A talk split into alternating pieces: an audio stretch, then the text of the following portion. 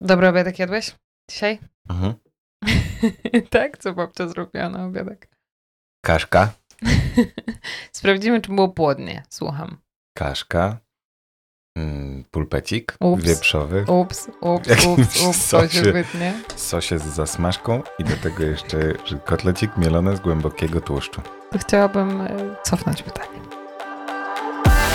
Cześć, tu Ania i Zosia. Wspólnie tworzymy Akademię Płodności. Miejsce, w którym towarzyszymy Wam podczas starań.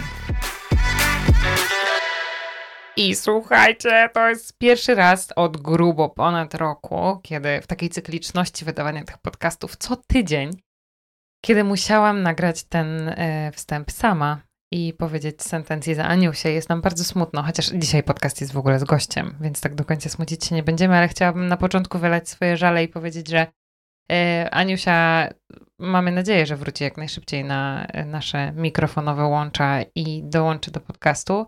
Chwilowo skupia się na najważniejszych rzeczach dla siebie i, i mają z Danusią e, teraz trudny czas. Natomiast są już bezpieczne, więc to jest najważniejsze i nasze głowy mogą wrócić do obowiązków, a że staramy się Anię jak najbardziej z nich odciążyć, to, to dzisiaj jest ze mną człowiek w sumie, którego możecie już trochę znać. Ja już się tu uśmiecham, pewnie to słyszycie, bo e, szczególnie jeśli oglądacie naszego YouTube'a, bo e, dentysta Jacek był tam e, gościem dawno temu, ale nie tak w sumie jakoś bardzo dawno, jak e, zamierzchły pierwsze filmy.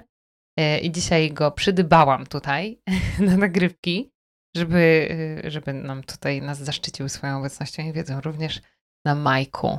Dzień dobry, panie doktorze. Dzień dobry Państwu. Dzień dobry siostro. Dokładnie, szybka wybitka, szybka wybitka. Chciałam zrobić z siebie takiego pro, wiesz, że tu zapraszam pana doktora i w ogóle, a tu zszedł młody z góry z obiadku u babci i siada i nagrywa e, na mikrofoniku. E, Również tutaj mocno wspieramy Anię. Aniu, jak będziesz tego słuchać, to całym sercem zawsze i modlitwą. Murem za psią. E, a wiecie, dlaczego tu jest Jacek z nami tak w ogóle? Oprócz tego, że oczywiście nie ma Ani, ale jakby Ania była, to byśmy tutaj we dwie robiły przepytkę Jacka. Dlatego, że e, okazuje się, że jak tak siedzimy w tych badaniach i przekopujemy to, co tam jest w tych internetach, to okazuje się, że to nie tylko dieta ma wpływ na płodność, ale że my w tej diecie to jest takie nasze podwórko, to oczywiście najczęściej o tym mówimy, ale również różne czynniki, między innymi stan przyzębia. E, a że mój brat robi w zębach, ja robię w cudach, mój brat robi w zębach, ale trochę do tych cudów się przyczynia również, e, to powiemy Wam o tym, e, co możecie zrobić, żeby poprawić również Waszą płodność poprzez poprawę stanu przyzębia. To brzmi trochę complicated, ale postaramy się to w sumie tak e, ugładzić, wyprostować. I trochę też wiesz, co bym chciała zrobić, Jacku? Zdjąć taką. Wiesz o co chodzi? Żeby po wysłuchaniu tego podcastu nie było, że dentysta to sadysta i żebyśmy się bali, bo tam na pewno będzie bolało, jak ja do ciebie pójdę. Pewnie, bo takie przekonanie pokutuje mm, cały czas wśród pacjentów, na, na szczęście coraz mniej. Mm, U dentysty już naprawdę potrafi nie boleć. Udowadniam to, mam nadzieję, swoim pacjentom, udowadniamy to wszyscy, mm, pracujący razem. Naprawdę. Warto zaufać. Mam nadzieję, że traficie na takich specjalistów, którzy wam to pokażą. Mm, Możecie uczestniczyć w takim procesie leczenia aktywnie, że taka rola pełnej dominacji to już się nie sprawdza w dzisiejszych czasach. To, mm, Pełnej dominacji lekarza. tak, tak. W tym momencie leczenie to jest proces, w którym uczestniczy zarówno lekarz, jak i pacjent. Mm, A ja jeszcze sobie tak pomyślałem, że warto by było, szczególnie u Was na Akademii Płodności, zacząć od em, takiego wyobrażenia sobie, bo bardzo dużo mówicie dobrych rzeczy na temat żywienia, a ja ze swojej strony chciałbym Państwu po prostu przedstawić mm, to, jak ja to pojmuję mm, z mojej strony. Najlepsze jedzenie, które mm, tak bardzo starannie przygotowujecie, trafia do Waszych ust momencie to, czym ono nasiąknie w ustach, w jamie ust, pierwszy kęs, trafia i później biegnie przez cały przewód pokarmowy. Jeżeli mm, w jamie ustnej mamy do czynienia z przewlekłym albo zaostrzonym procesem zapalnym, wszystkie bakterie trafiają dalej. I to myślę fajny wstęp. Fajnie to sobie można wyobrazić. Ja jak staram się tak opisowo, bo to działa na wyobraźnię i może właśnie bardziej motywować. Y, ja fajne to jest, jak wyobrażam sobie ten kęs, który ja już jakby skażam w pierwszym zderzeniu z właśnie takim najbardziej wypielęgnowanym posiłkiem, który może iść trochę nawet na marne w momencie, w którym nie posprzątam w swoim organizmie. Dokładnie. I e, proszę wyobraź sobie jeszcze taką sytuację, że mówimy w sytuacji, w której ktoś nie ma innych obciążeń w organizmie, ma zdrowy żołądek, ogólnie zdrowy przewód pokarmowy, poradzi sobie z tym. Ok, ten kęs nasiąknie bakteriami, mówiąc najprościej. Enzymy trawienne, wszystkie substancje będą w stanie to z tym wygrać. Natomiast e, idźmy dalej, chwyćmy najprostsze przykłady, które mogą temu towarzyszyć. Mogą być, ktoś może mieć problem z wrzodami w żołądku. E, w tym momencie, najprościej mówiąc, to jest poraniona błona śluzowa żołądka i w tym momencie kęs, który e, trafia, jest nasiąknięty bakteriami. Udowodnione jest to też, że w takich procesach również zapalnych w przewodzie pokarmowym również biorą udział bakterie jakby my pogarszamy tą sytuację, także ma to bardzo duży wpływ, naprawdę, i nie lekceważmy tego. Zwłaszcza, że yy, jakby nie tylko drogą pokarmową możemy dostarczać bakterie do naszego organizmu, bo w momencie, w którym toczy się jakiś stan zapalny w naszej jamie ustnej, to przecież cały układ krwionośny i przenikanie do krwi tych bakterii też nie jest odcięte jakby, nie? Dokładnie. Wcale nie musimy mieć wrzodów na żołądku, żeby tą bakterię, do żeby ona jakby siała w całym organizmie. Słyszałam takie określenie, ono mi się bardzo podoba. Więc wcale nie musicie mieć wrzodów ani nieszczelności układu pokarmowego, bo to jakby nie jest jedyna droga, którą bakterie do waszego organizmu dostać się mogą ale niech wam to zadziała na wyobraźnię, bo, e, bo tak to jest. I jakby nie chcemy straszyć, tylko chcemy wam pokazać, jak to wygląda, żeby was zmotywować do tego, żeby do takiego Jacka na przykład się udać. By the way, przede mną moja wizyta popołogowa, więc mam nadzieję, że mnie ten podcast też zmotywuje. Drodzy Państwo, ja jeszcze chwycę się tego um, obrazowania sobie i wyobrażania pewnych rzeczy, natomiast to, co jemy, naprawdę ma znaczenie. Ja pragnę to podkreślić bardzo, bardzo wyraźnie, że rodzaj pokarmu, mm, o czym mówią często dziewczyny, a także e, to mm, jego struktura, może nie używam fachowych nazw w przypadku e, pokarmu.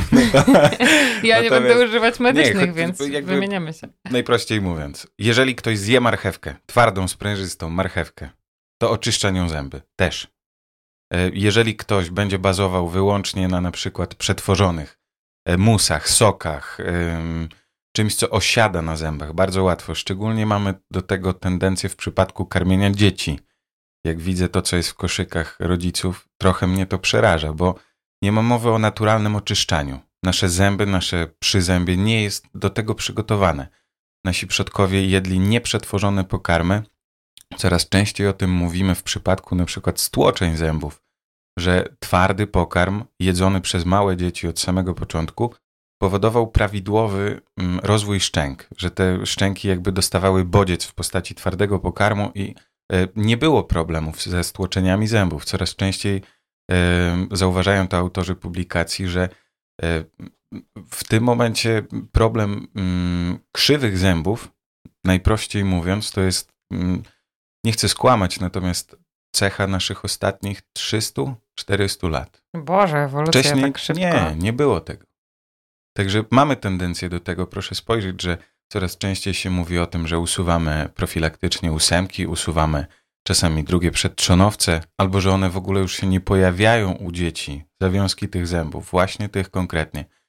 E, spotkałem się ze stwierdzeniem, że jest to uzębienie, które mm, za jakiś czas Oczywiście to nie w przeciągu najbliższych 10 lat, natomiast mówimy raczej o, o setkach, tysiącach, że po prostu będziemy pozbawieni takich zawiązków i wynika to mm, pośrednio z rodzajów pokarmów, które przyjmujemy. Cieszę się całe szczęście, że akurat te rodzaje pokarmów, które ty jakby bardziej propsujesz i są bardziej, e, dajesz im bardziej okejkę, to w akademii one też się pokrywają, bo właściwie e, na przykład w kontekście, e, zobaczcie, oczyszczania zębów, twarda marchewka jest bardziej ok niż papka z marchewki, a w kontekście na przykład y, wykładnika, który podnosi wam poziom cukru we krwi, to ja też wolę, żebyście wy zjedli taką marchewkę, którą musicie schrupać, niż zjedli z niej papkę. Także to akurat całe szczęście nam się pokrywa i uff. nie wchodzimy sobie w ogródeczki tutaj. I zjecie jej trochę mniej. Wzajemne. No trochę tak i dostarczycie więcej błonnika i, i więcej energii wytworzycie na jej zjedzenie i cała w ogóle kaskada fajnych rzeczy. Chociaż marchewki to jedzcie jak najwięcej, tak? Zdarzą. Marchewka surowa. Tak, tak, właśnie. Tak po cichu to powiedziałem, ale pewnie nie będzie tego słychać. Mamy tutaj na tym podcaście takich konkretowców też. Ja wiem, że ludzie bardzo lubią słuchać konkretów, więc fajnie było, jakby padł taki jeden konkret, dlaczego ja powinnam. W sensie wiesz, no dobra, tam bakterie trafiają i w ogóle, ale, ale co, co dalej z tym? Jest jakaś jedna bakteria, której ja się powinnam bać na przykład, albo, albo coś. Tak, złapmy się tej bakterii, o której ja już mówiłem e, podczas naszego nagrania na YouTubie. Mm, ona nadal ma tą trudną nazwę, to jest Porphyromonas gingivalis, dokładnie. Bakteria odpowiedzialna bezpośrednio za destrukcję przyzębia. Mm. Powołam się znowu na te badania, które mówią o tym, że u kobiet starających się u dziecko, jeśli była wykrywana w ślinie, to miały one trzykrotnie mniejsze szanse na zajście w ciążę. A jeśli jeszcze do tego dodać aktywny proces zapalny w przyzębiu, to te szanse malały dodatkowo czterokrotnie. Także myślę, że to są bardzo konkretne liczby i bardzo motywujące dla przyszłych matek. No ja, ja mam nadzieję, a jakbyśmy chcieli zmotywować przyszłych ojców? Panowie, niestety nie pocieszę. Y, wizyta u dentysty jest konieczna i bezpośrednio związana z jakością nasienia u mężczyzn. Y, pozbywamy się wszystkich stanów zapalnych, takich poważnych stanów zapalnych z jamy ustnej i uzyskujemy naprawdę wyraźne poprawy parametrów nasienia. Ja pamiętam, że bardzo uderzyło mnie to, co yy, znaleźliśmy wspólnie w jakiejś publikacji a propos antybiotykoterapii u panów. Czyli włączamy antybiotyk w momencie, w którym nie uładzamy stanu zapalnego w jamie ustnej, i niewiele to zmienia. Dokładnie. I dopóki nie posprzątamy jakby na górze, to e, bakterie mogą być odnajdowane e, w nasieniu nawet. Tak jest. Czyli I proszę sobie to wyobrazić, przepraszam, wszedłem w słowo. Natomiast dokładnie ta bakteria cały czas towarzyszy temu procesowi najpiękniejszemu, czyli jakby zapłodnienia i przeszkadza. Przeszkadza. Jesteśmy za to bezpośrednio odpowiedzialni, naprawdę. Czyli absolutnie przed startem starań, albo jeśli jesteście w ich trakcie, a jeszcze tego nie zrobiliście, to tym bardziej udajemy się do dentysty. Ja bym chciała zwrócić Waszą uwagę jeszcze na to, co znalazłyśmy również z Anią w, w ogóle swoją drogą w gazecie, która leżała na poczekalni u taty e, w gabinecie. Na poczekalni u taty leżała gazeta, e, w której był właśnie świetny artykuł przekrojowy pokazujący, jak duże leki, które, duże dawki leków, które my bierzemy podczas stymulacji, mogą wpływać na to, co dzieje się w naszym przezębiu. I bardzo bym chciała też Was wyczulić na to, bo Wy możecie sobie, i zakładam, że, że nie zdajecie sobie sprawy z tego, że leki na stymulację, które przyjmujecie, mogą zwiększać stan zapalny w Waszym przezębiu. Pamiętam, że tam były yy, na przykład podkreślane takie jakieś skomplikowane wiesz, parametry takie, które ty pewnie zrozumiesz, ale one tam niewiele pewnie mówią przeciętnej osobie na zasadzie głębokość kieszonek zębowych, czy tam krwawienie, czy coś tam, czy, czy coś tam. Tak jest, mamy tam mnóstwo wskaźników, które to określają. Takim podstawowym objawem, na który ja Państwu pragnę zwrócić uwagę i jesteście w stanie to sami zaobserwować, to jest krwawienie w trakcie szczotkowania. Naprawdę rzadko zdarza się, żeby ktoś tak mocno szczotkował zdrowe zęby, żeby one wtedy zaczynały krwawić. Pacjenci najczęściej zgłaszają, że a, panie doktorze, przy szczotkowaniu tutaj leci mi krew. Mm, nie chcę tutaj oczywiście używać takich absolutnych stwierdzeń, natomiast y, w większości, w zdecydowanej większości przypadków mamy tam wtedy do czynienia z jakimś problemem. Także krwawienie to jest raz. A dwa to kamień, o którym też mówiliśmy i jesteśmy w stanie go stwierdzić sami. Zazwyczaj pacjenci już przechodzili przynajmniej raz w życiu usuwanie kamienia. Mm, kojarzą, że zęby potem są inne, że są między nimi przerwy, jak to często, często pada, że jejku, tego nie było. nie miałem takich przerw. Natomiast warto. Super, że poruszyliśmy temat kamienia, bo to jest to ten temat, do którego chciałam jeszcze dobrnąć. Jakby kończąc pewnie powoli ten podcast, bo nie możemy was przeładować wiedzą, bo ja wiem, że wam się nie chce słuchać takich podcastów. Ja już was znam. Ja już was poznałam przez te półtora roku i wiem, że jak gadamy za długo, to wy tego nie słuchacie. Więc yy, zamknijmy klamrą jeszcze ten kamień. Yy, dla mnie odkrywczym było to, jak. Yy, tylko nie pamiętam, kto mi kazał sobie to tak wyobrazić, ale że ten kamień, który jest twardy, zbity i trzeba go usuwać ultradźwiękami, czyli to już nie jest tak, że ja sobie go wyszoruję szczoteczką, nawet jak będę tam szorować bardzo, bardzo długo i dokładnie, yy, to jest zbiórka bakterii. Że jakby bakterie potrafią stworzyć taką strukturę i być ich tam tak dużo w takiej twardej tkance. 99%. 98-99% składu kamienia to są bakterie. One po prostu stwardniały. To jest po prostu niesamowite. Ale cały czas działają. No, to nie tak, że straszne. umarły i stwardniałe, że są skamieliną. Absolutnie. One cały czas produkują i zupełnie inne bakterie produkują e, tym kamieniu, który jest bezpośrednio na zębach, a zupełnie inne bakterie mm, bytują w dziąsłach. Czyli jakby wystarczy, że mm, kamień wnika do kieszonki i z automatu tam jest inne środowisko bakteryjne. Rozróżniamy to tlenowe i beztlenowe. No i boimy się jednego i drugiego oczywiście, natomiast ten cichy przeciwnik, którego nie widać, bakterie beztlenowe mm, wysuwają się na pierwszy plan, jeśli chodzi o... Takich, których nie chcemy i które robią dużo złego, tak? Tak, jest. Słuchajcie, to ja jeszcze w kontekście tego kamienia, yy, bo już tak tu podnieciłam mocno, muszę dokończyć tą myśl, bo mi zaraz ucieknie.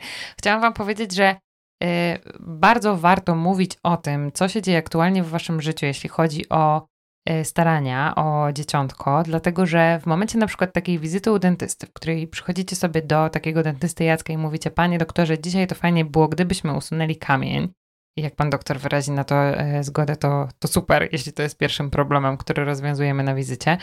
To warto też powiedzieć takiemu panu doktorowi na przykład: Jestem przed owulacją, staram się o dziecko, albo za ileś tam dni mam transfer, albo cokolwiek, co się dzieje w waszym życiu, dlatego że e, zauważono w badaniach, również mądrzy ludzie zauważyli, że po scalingu, a scaling to jest taki proces, który właśnie ma oczyścić zęby z kamienia, wykonywany e, przez lekarza dentystę, zauważono w organizmie takich e, osób, badane były kobiety, e, przejściowy stan, i teraz to jest kolejne trudne słowo, bakteremi, bakter... Bakteriemi. bakteriemi. Tak, czyli podwyższony stan mm, bakterii w ślinie albo we krwi.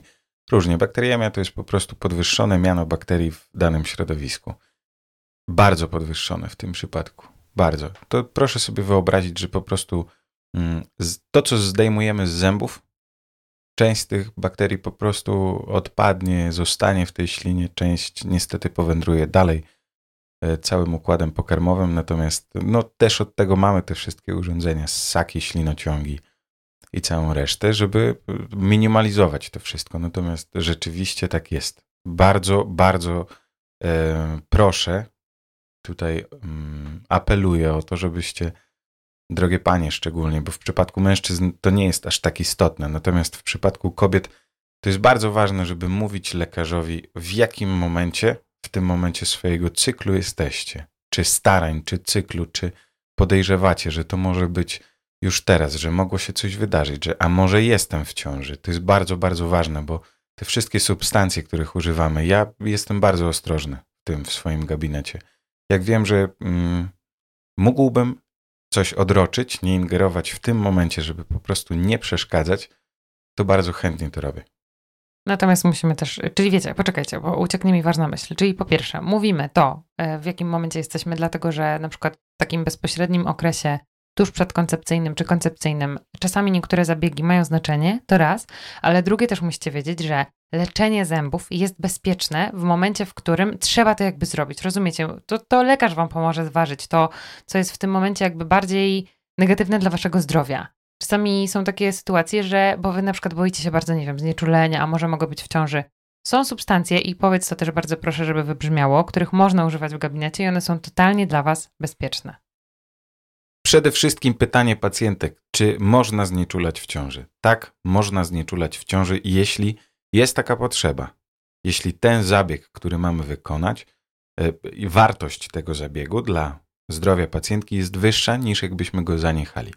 Także jak najbardziej można i to się odbywa bezboleśnie. To jest jeden z warunków leczenia e, kobiet, szczególnie w ciąży, e, które mm, boją się, stresują wizytą i lek znieczulający powoduje to, daje ten komfort leczenia. Także jak najbardziej.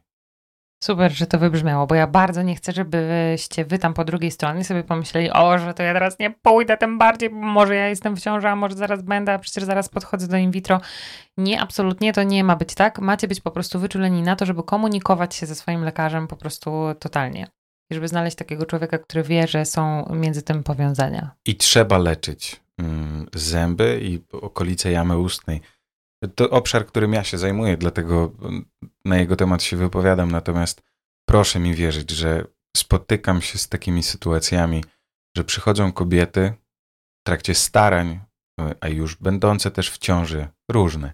Natomiast y, rozmawiam z nimi po stwierdzeniu w jamie ustnej na przykład poważnych problemów, poważnego, ostrego stanu zapalnego, na przykład ropni tak dalej. I pytam, dlaczego? Dlaczego dopiero teraz?